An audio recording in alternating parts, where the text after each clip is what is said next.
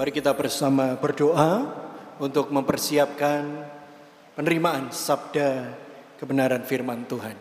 Mari kita berdoa.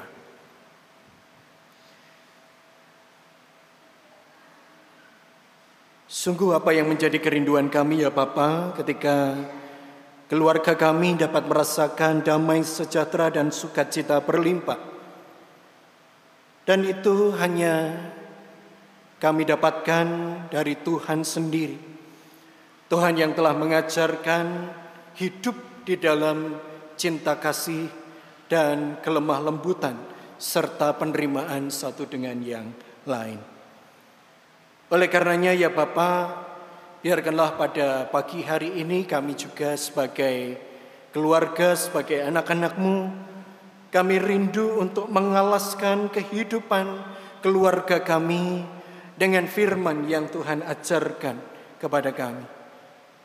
Sehingga nantinya kami pun juga merasakan anugerah yang begitu berlimpah di dalam kehidupan kami. Kami sungguh rindu ya Bapa bahwa Engkau berkenan untuk membimbing dan menuntun setiap langkah kehidupan kami melalui hati, pikiran, dan pengalaman kami. Berfirmanlah ya Bapa, sebab kami anak-anakmu siap untuk mendengar dan melakukannya. Amin. Bapak Ibu Saudara jemaat Tuhan yang terkasih, Nats yang menjadi dasar pembinaan kita pada hari ini secara khusus saya akan membacakan dari dua bagian Alkitab. Yaitu yang pertama dari Yakobus 1 ayatnya yang ke-19 hingga 20.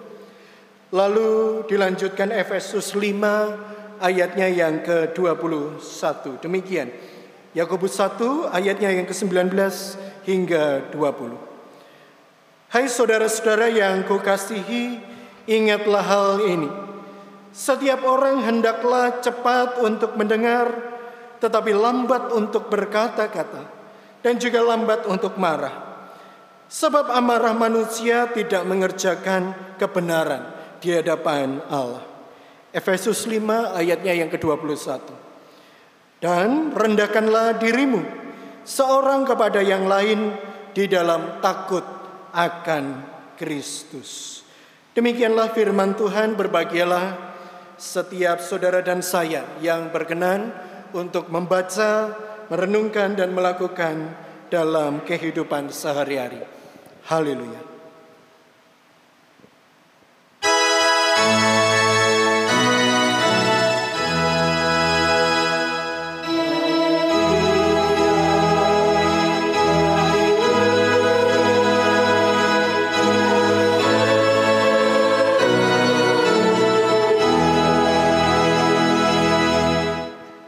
Membangun komunikasi yang efektif dan positif di dalam keluarga.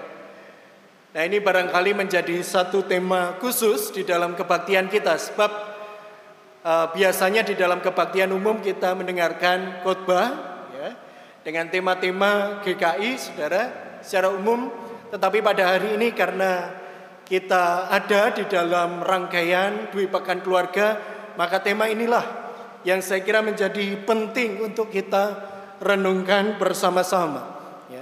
Satu budaya komunikasi yang saya kira penting untuk kita bersama pelajari. Ya. Sebab kita menghadapi satu tantangan yang tidak mudah.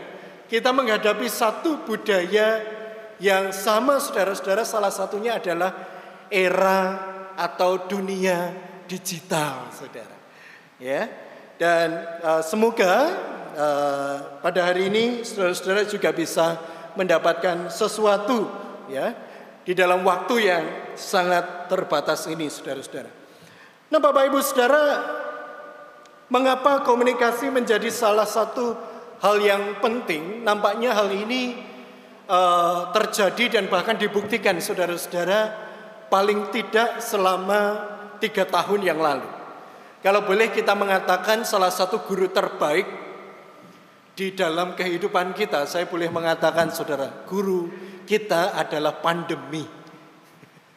Mengapa saudara? Sebab pandemi itu ternyata menyingkapkan, membuka banyak hal yang barangkali kita tidak pernah sadari sebelumnya.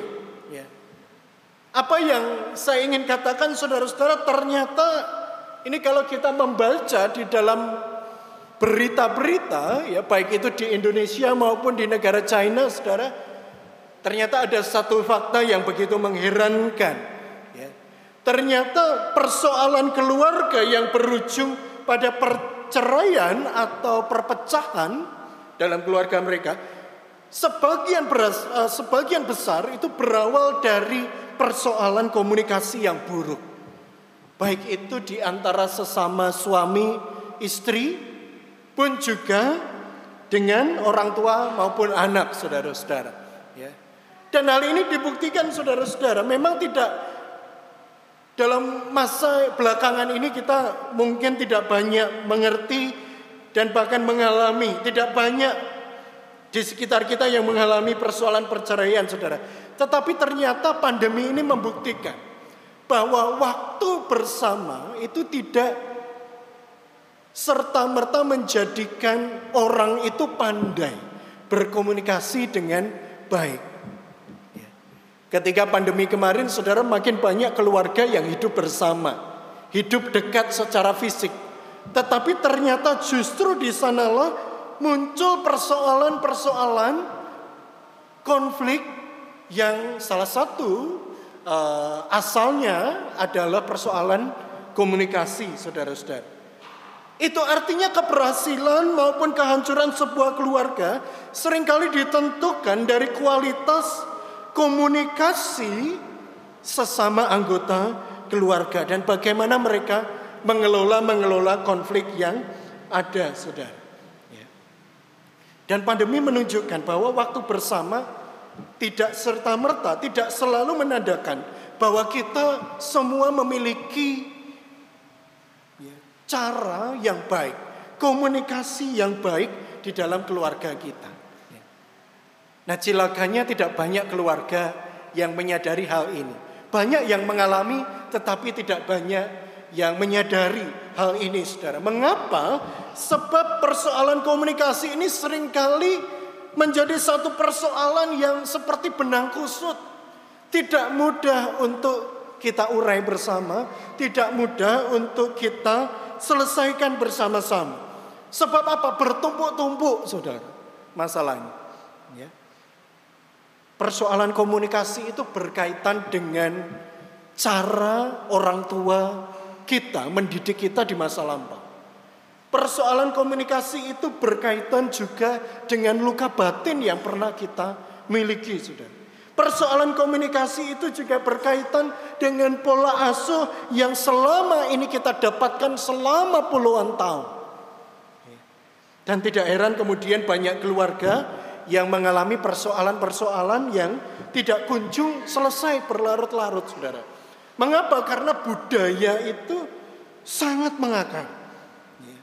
Dan persoalan komunikasi yang terjadi pada satu orang biasanya akan berpengaruh pada relasi-relasi yang lain, saudara. Ini aneh tapi nyata, saudara, begitu ya.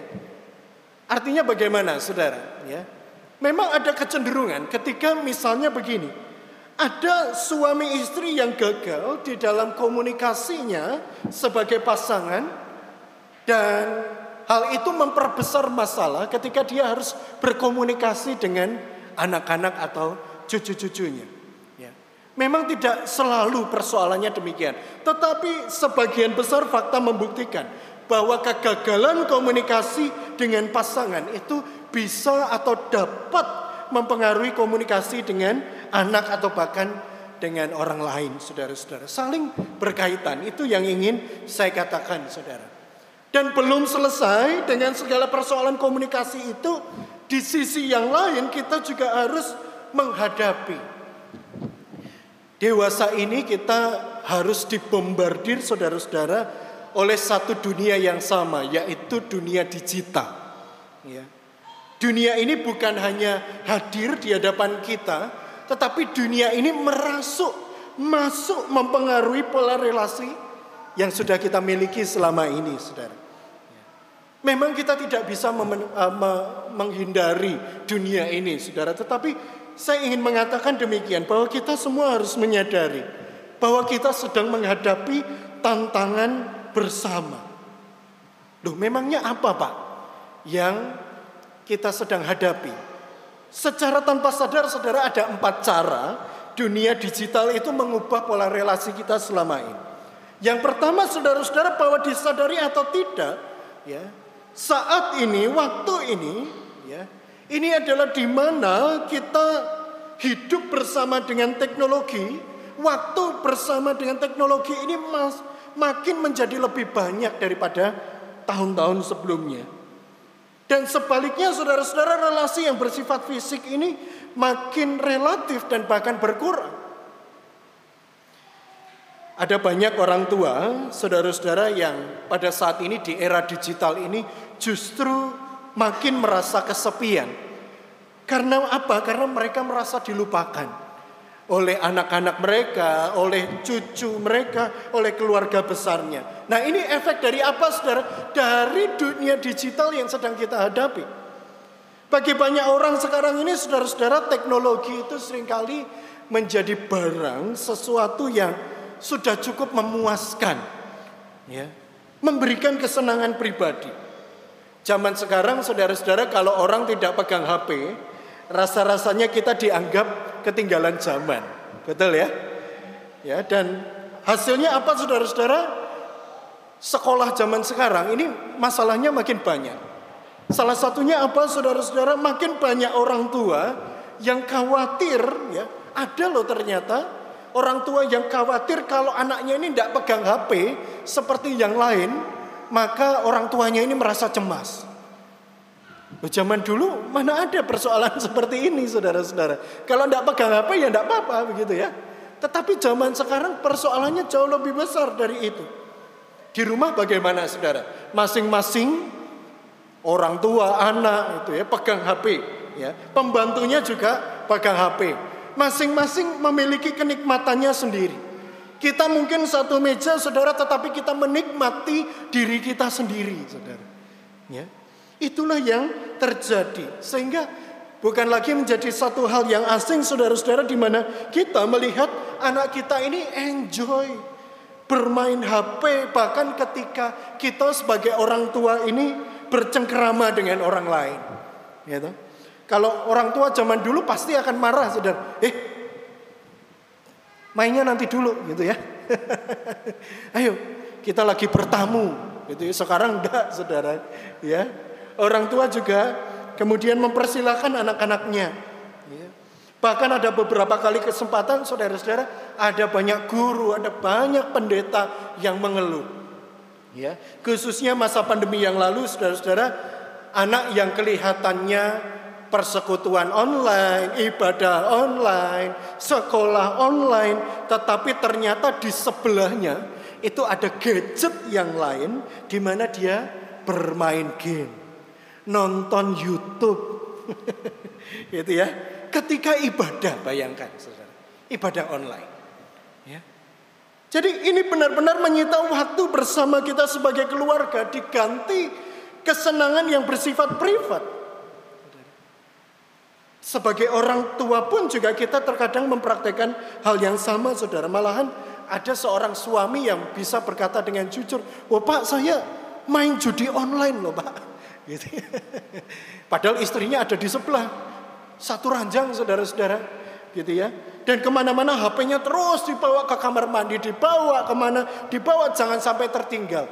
Lebih baik saya ketinggalan dompet daripada ketinggalan handphone. Saudara. Itulah yang terjadi di dunia kita. Tidak jarang kesenangan-kesenangan privat itu justru menjadi jurang relasi, saudara. Tidak heran kemudian ada banyak orang yang mengeluh, ya.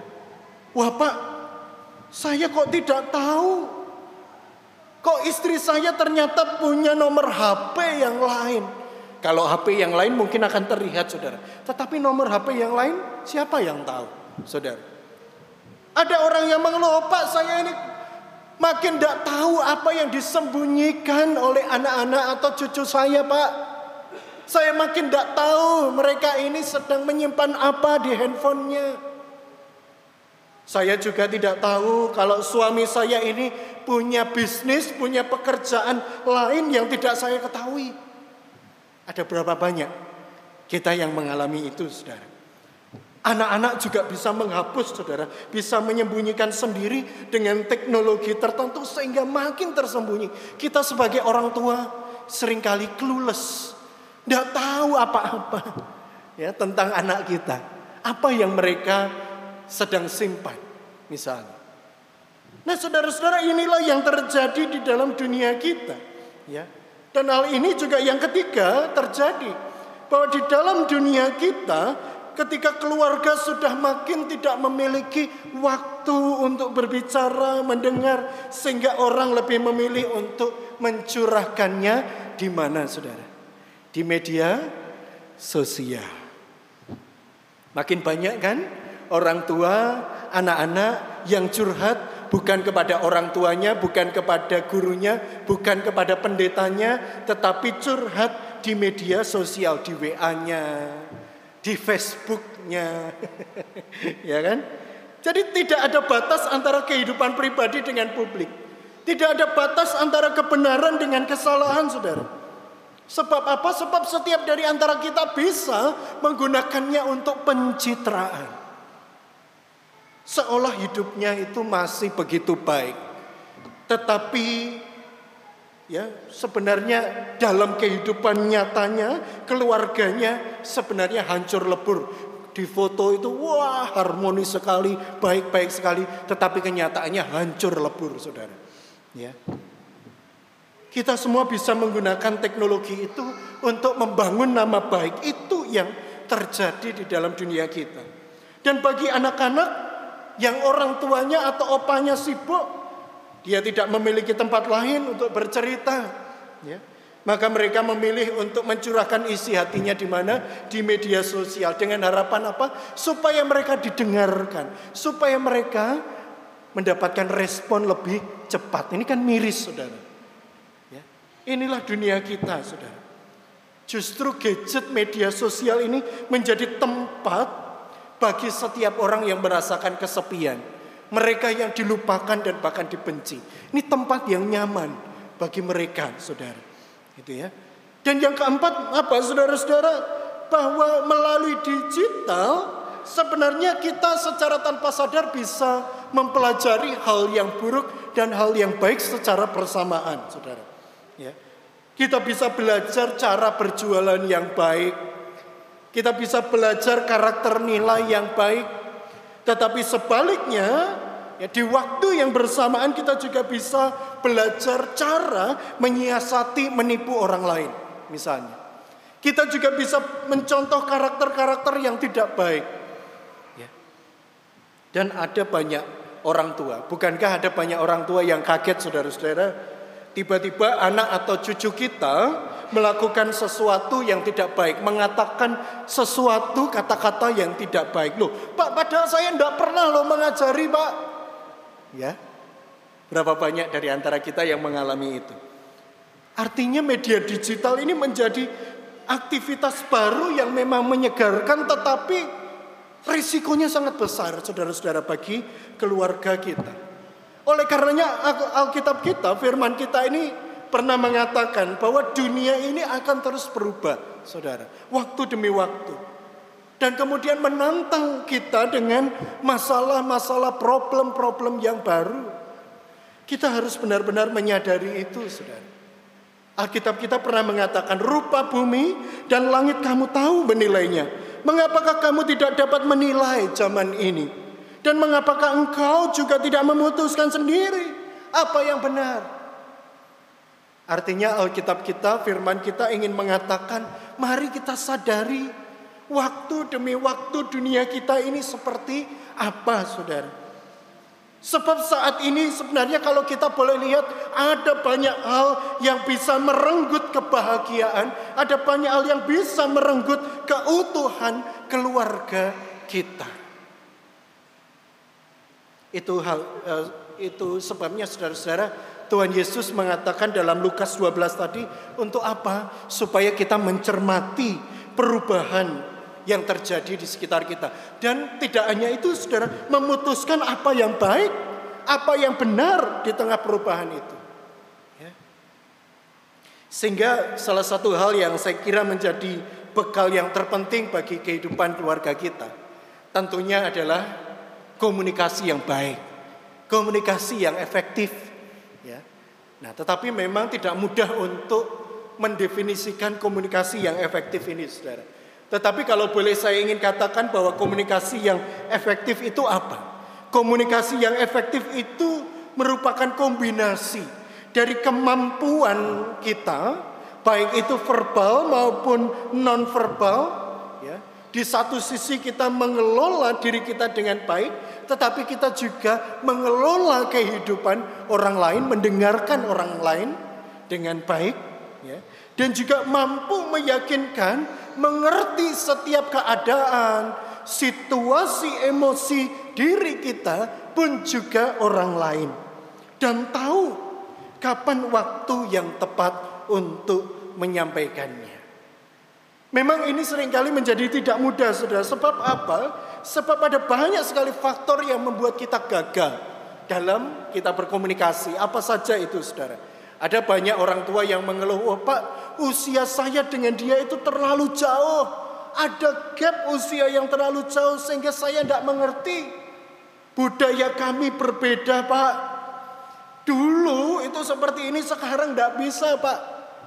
Ya. Atau misalnya kita pun sebagai manusia tentu ketika kita berrelasi dengan orang lain kita membawa emosi-emosi kita. Termasuk emosi yang negatif emosi yang begitu berat di dalam diri kita. Emosi yang tidak menentu itu membuat kita gagal berkomunikasi dengan orang lain. Ada banyak orang saudara-saudara yang juga gagal di dalam komunikasinya karena mereka tidak mendengarkan dengan hati. Mereka hanya mendengarkan dengan telinga. Dan mereka hanya berusaha ketika mereka ditanya, mereka hanya berusaha untuk menjawab, bukan berempati sehingga mereka gagal mendengarkan dengan baik. Pun juga kita sebagai orang tua, sebagai anak, terkadang kita gagal menyampaikan pesan itu karena apa? Karena bahasa tubuh kita, gaya bicara kita ini tidak nyaman bagi orang lain. Coba Bapak Ibu Saudara sampaikan dengan cara begini. Dengan cara begini. nah ini gaya yang tidak nyaman saudara, kurang nyaman bagi orang lain. Oleh karenanya kita dipanggil untuk memperhatikan hal-hal yang kecil semacam ini. Dan lebih lagi saudara-saudara mengapa komunikasi kita gagal sebab kita tidak memberikan waktu khusus. Kita sering kali berkomunikasi, niatnya berkomunikasi secara mendalam, tapi kita apa sambil masak, sambil melakukan yang lain gitu ya. Sehingga pesan itu tidak tersampaikan dengan baik. Oleh karenanya saudara-saudara izinkan saya untuk memberikan empat hal ya yang penting sebagai penopang di dalam komunikasi relasi kita dengan keluarga. Ada empat saudara. Kejujuran, ya, perhatian, perlindungan dan juga waktu. Kita akan lihat bersama-sama satu demi satu saudara. Hal yang pertama karakter yang harus kita miliki sebagai sesama anggota keluarga tentu adalah sebuah kejujuran. Mari kita bersama belajar untuk mengungkapkan dengan penuh kejujuran kepada baik itu pasangan kita, anak kita, anggota keluarga kita, tentunya dengan kebijaksanaan dan sikap saling menerima. Apa yang kita sampaikan saudara? Yang kita sampaikan adalah bisa perasaan kita, pemikiran kita, kebiasaan-kebiasaan kita kesukaan kita, ketidaksukaan kita, masa lalu kita seperti apa, kegiatan sehari-hari kita, dan rencana masa depan. Sebab mengapa saudara hal ini begitu penting? Karena ada berapa banyak dari antara kita yang mengeluh hal yang sama saudara. Lupa, saya tidak pernah tahu kalau ternyata masa lalu suami saya itu seperti ini pak. Padahal sudah menikah lama. Bapak saya tidak pernah tahu anak saya ini ternyata punya rencana yang seperti ini Pak.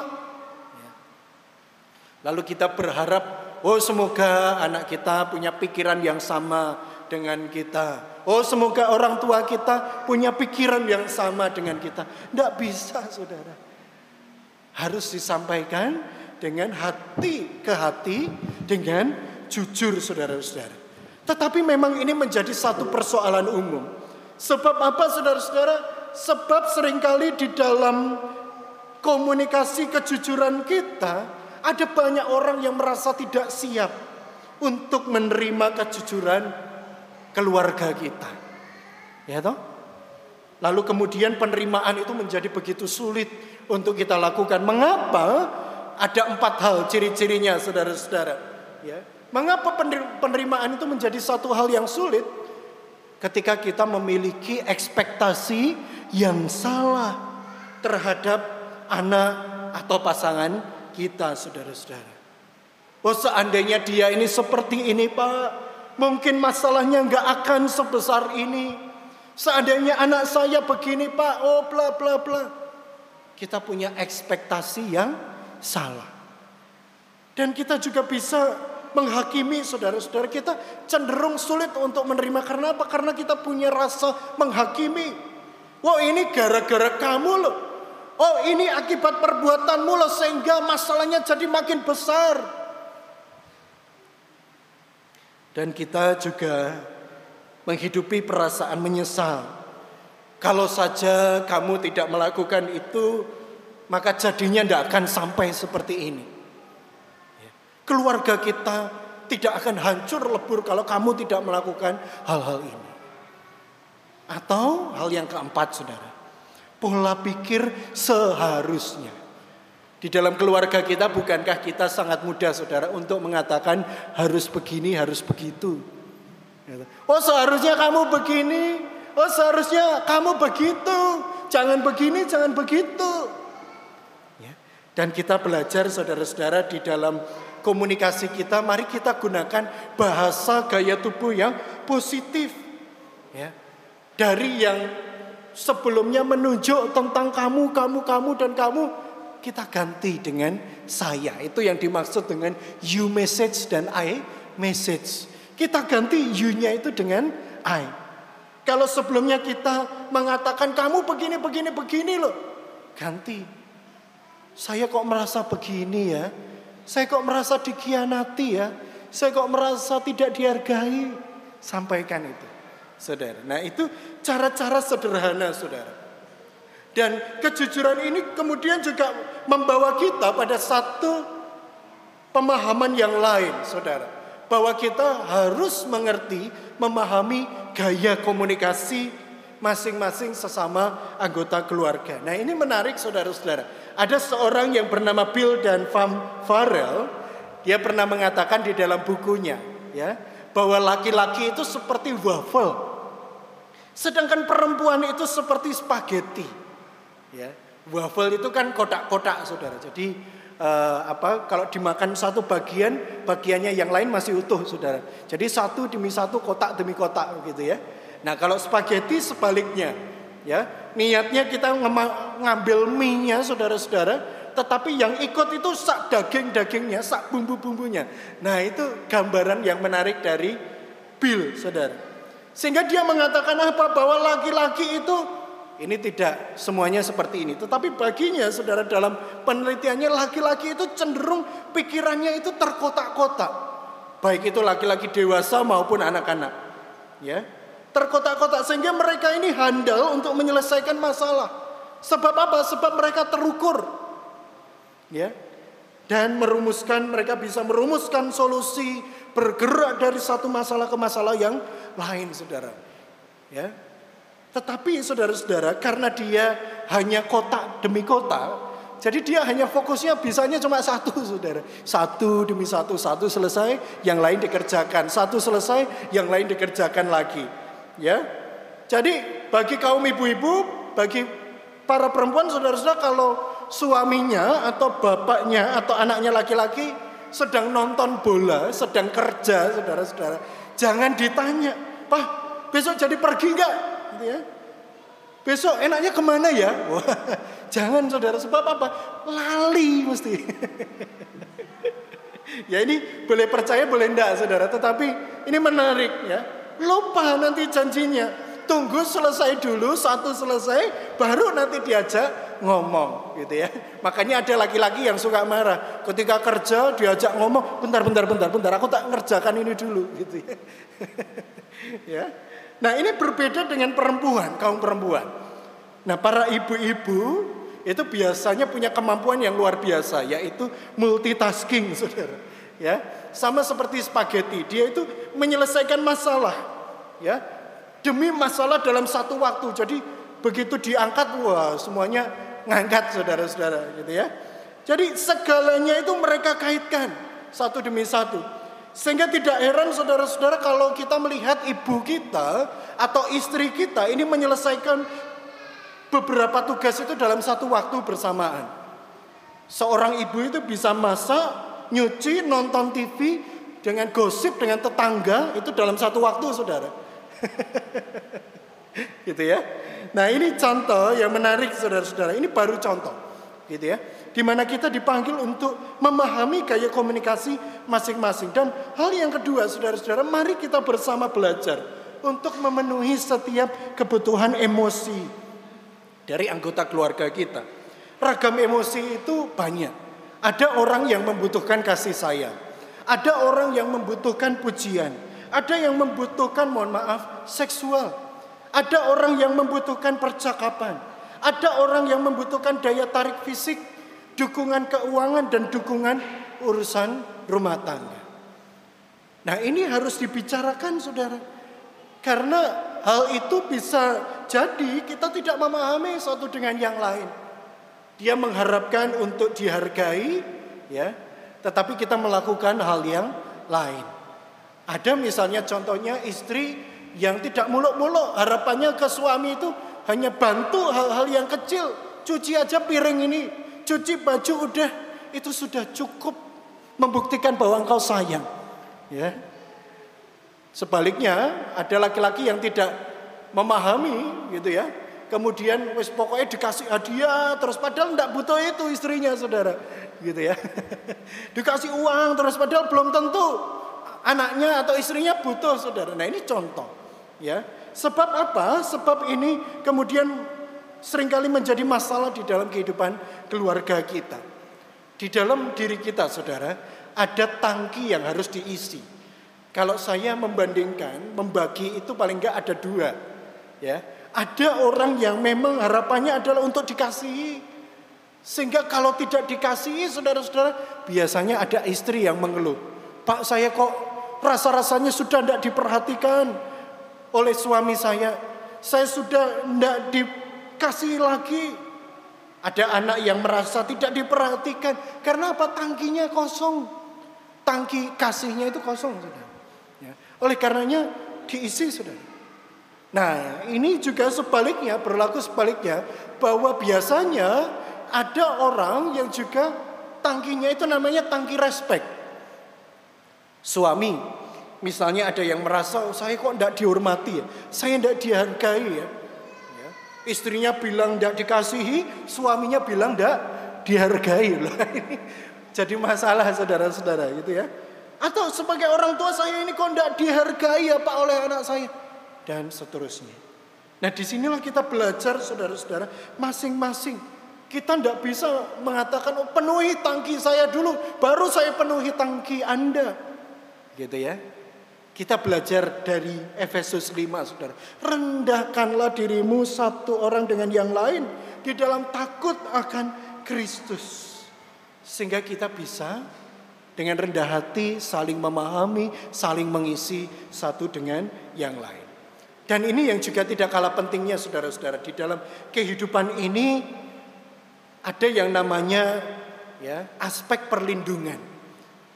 Bagaimana saudara-saudara saya mengatakan kepada kita, saudara-saudara mari kita bersama hindari ya apa-apa saja yang menjadi penyebab ketidakbahagiaan kita khususnya dalam diri kita.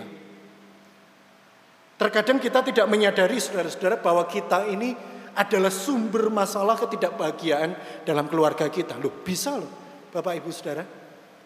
Suami istri kita tidak suka tapi ya kita terus ngomong, kita katakan terus, saudara-saudara, gitu ya. Nah, oleh karenanya kita harus belajar apa yang boleh dan apa yang tidak boleh. Sebab setiap anggota keluarga, baik itu pasangan maupun anak-anak kita itu punya yang namanya hot button. Ya, tombol yang sensitif. Kalau itu disentuh, kalau itu ditekan saudara-saudara maka dia akan bereaksi secara negatif. Dan hal ini berhubungan dengan apa? Dengan harga diri dengan luka batin, dengan tindakan buruk yang barangkali pernah dia alami sebelumnya, saudara. Jadi kita harus benar-benar menyadari, saudara-saudara, jangan sampai istri kita, suami kita ini tidak senang diperlakukan seperti ini, tapi kita terus menekan tombol itu, saudara. Hancur keluarga kita, ya. Jangan mudah untuk kita mengatakan, oh Pak itu kan hanya bercanda. Loh tapi yang kita anggap bercanda itu sebenarnya menyakiti pasangan atau keluarga kita. Gitu. Nah hal ini saudara-saudara harus kita perhatikan dengan baik. Termasuk ketika kita berkata-kata. Oleh karenanya benar kalau Yakobus satu ini mengatakan perhatikanlah baik-baik. Setiap orang harus cepat untuk mendengar, tetapi lambat untuk berbicara, lambat untuk marah. Yang cepat itu telinganya, saudara, bukan mulutnya. Orang yang marah tidak dapat melakukan hal yang baik yang menyenangkan hati Allah. Secara tidak langsung apa yang ingin dikatakan oleh firman kita saudara bahwa terkadang sebagai manusia stres itu menekan diri kita. Tetapi kita harus belajar untuk cepat mendengar, mendengarkan dengan baik. Kita belajar untuk berani mengubah sudut pandang kita ketika kita berbicara. Kita belajar juga untuk mengubah tempo atau speed di dalam berbicara. Karena bisa jadi itu sumber masalahnya, saudara-saudara. Ya, oleh karenanya Alkitab kita tadi mengatakan dengan lemah lembut dan sabar. Itu modal dalam komunikasi kita sebagai keluarga, saudara. Dan hal yang paling penting saya kira ini, saudara. Ya, sebelum kita melangkah hal yang terakhir. Ya, waktu, ambillah waktu, saudara bagi keluarga kita untuk memberi, memberikan perhatian penuh yang tidak terbagi. Tidak terbagi itu artinya apa? Saudara tidak disambi. Berikan waktu khusus kepada anak kita, orang tua kita, istri atau suami kita. Berikan waktu khusus. Ya. Karena apa saudara? Karena di dalam kehidupan ini ya, selalu ada alasan untuk kita menjadi sibuk. Selalu ada alasan untuk kita mengatakan banyak pekerjaan yang harus kita selesaikan. Dan di dalam hal itu saudara, mari kita luangkan waktu itu. Ya. Dan ini tips terakhir saudara-saudara ya sebagai bekal terakhir. Ya, di dalam kehidupan ini tentu kita berelasi dengan anak atau cucu kita, saudara. Nah, ternyata ada cara komunikasi yang efektif dengan anak atau cucu kita. Ya, Prinsipnya itu sebenarnya sederhana saudara. Yang pertama bahwa kita harus belajar menjadi pendengar yang baik. Bukan penasehat yang baik. Beda ya. Pendengar yang baik itu akan memampukan seseorang untuk memberikan kesempatan kepada anak untuk mengungkapkan apa yang ada di dalam hati dan pikirannya. Ya. Seorang pendengar yang baik juga pasti akan menempatkan dirinya, bahkan memperhatikan gestur ketika dia berbicara. Saya dulu pernah mengatakan, saudara-saudara, bayangkan Bapak Ibu Saudara berbicara dengan orang yang lebih tinggi dari saudara, apakah nyaman? Sehingga saya selalu ingin mengatakan, saudara-saudara, kalau berbicara kepada anak kecil, nunduk. Ya, kalau perlu jongkok, saudara. Mengapa? Karena itu adalah bagian gestur positif kita kepada dia. Ya, ini hal-hal yang sederhana, saudara. Apalagi begini, waduh, anak itu tidak akan dengerin, saudara, gitu ya. Nah, itu ini contoh-contoh sederhana. Bahwa di dalam kehidupan kita, kita juga harus belajar mengatakan dengan bahasa yang positif, berbicara dengan positif. Ya.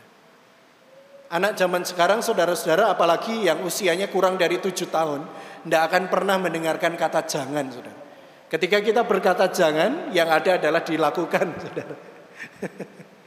ya, nah inilah yang harus kita perhatikan, saudara-saudara. Mari kita bicara dengan jelas, belajar ya, supaya anak kita ini mengerti bagaimana caranya, ya. Dan perhatikan bahasa tubuh anak, apakah dia memahami, apakah dia nyaman, ya. Dan yang paling penting dari semuanya itu adalah bagaimana kita berempati dengan cerita anak, ya. Bukan hanya sekedar mendengarkan, oh ya, ya sudah ngalih. Tidak bisa seperti itu, saudara. Kita belajar berempati dengan anak, saudara.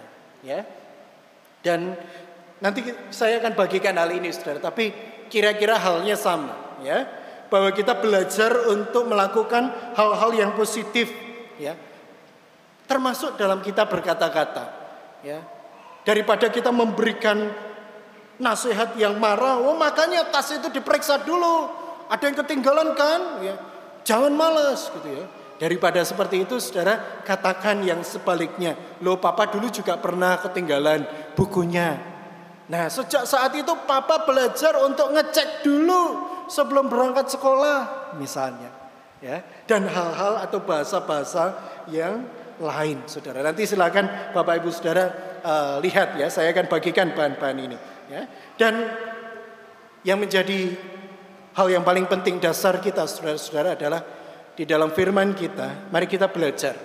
Mari kita mengasihi dengan sungguh-sungguh seorang dengan yang lain. Sebab kasih itu akan menutupi banyak sekali dosa. Dan bukan hanya dosa, saudara, kasih itu akan menutupi kelemahan, menutupi keterbatasan, memampukan kita untuk mengampuni kesalahan keluarga kita, dan seterusnya. Biarlah ini menjadi bekal yang baik bagi kita, saudara-saudara, di dalam kehidupan kita. Mari kita belajar menjadi sosok yang baik untuk kita berkomunikasi, berrelasi dengan anggota keluarga kita. Tuhan memberkati. Amin.